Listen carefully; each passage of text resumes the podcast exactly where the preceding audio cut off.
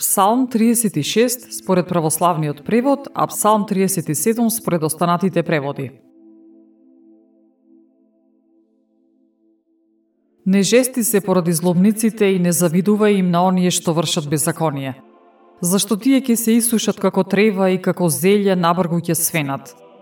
Верувај во Господ и прави добро, за да живееш на земјата и да уживаш во спокојство. Сета радост нека ти биде во Господ, и тој ќе ти даде што ќе посака срцето твое.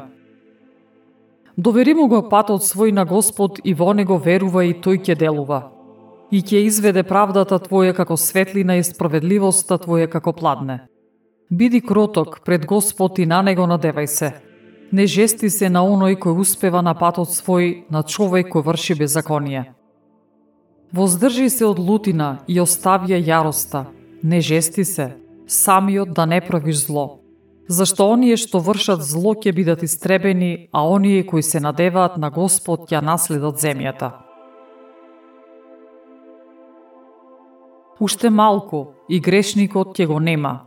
Ќе го побараш местото негово и нема да го најдеш. А кротките ќе наследат земјата и ќе се насладуваат во изобилен мир. Грешникот смислува зло против праведниот и чкрта со забите против него. Но Господ му се подсмева, зашто однапред гледа дека му се ближи крајот.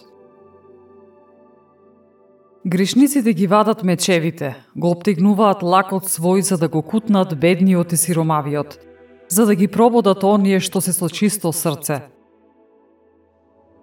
Но мечот нивни ќе се забие во нивното срце, а лаците нивни ќе се скршат.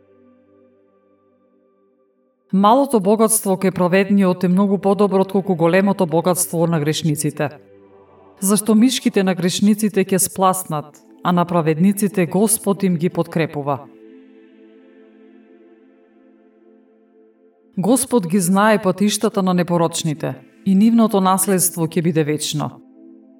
Во зло време нема да бидат посрамени и во деновите на глад ќе бидат сети. Зашто грешниците ќе загинат и непријателите господови ќе ги снема како полска убавина. Ќе исчезнат како дим.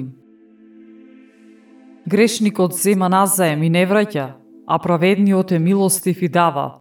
Зашто оние кои Господ го благословуваат ќе наследат земјата, а оние што тој ги проколнува ќе бидат истребени. Господ ги зацврстува стапките на човекот и мили му се неговите патишта. Појако се сопне, нема да падне, зашто Господ го држи за рака. Бев млад и остарев, но не видов оставен праведен човек ниту децата негови леп да просат.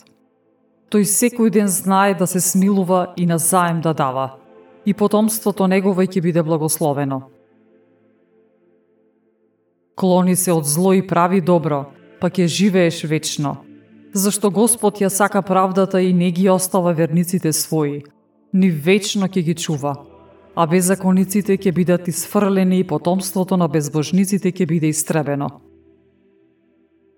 Праведните ќе наследат земјата и ќе живеат на неа вечно.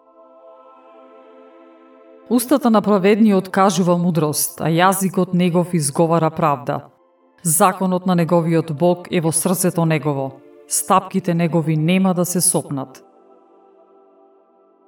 Грешникот го демне праведниот и бара да го убие. Но Господ нема да го предаде во негови раце и нема да го осуди кога ќе биде суден.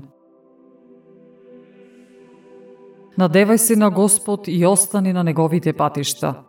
Тој ќе те воздигне за да ја наследиш земјата и ќе го гледаш истребувањето на грешниците.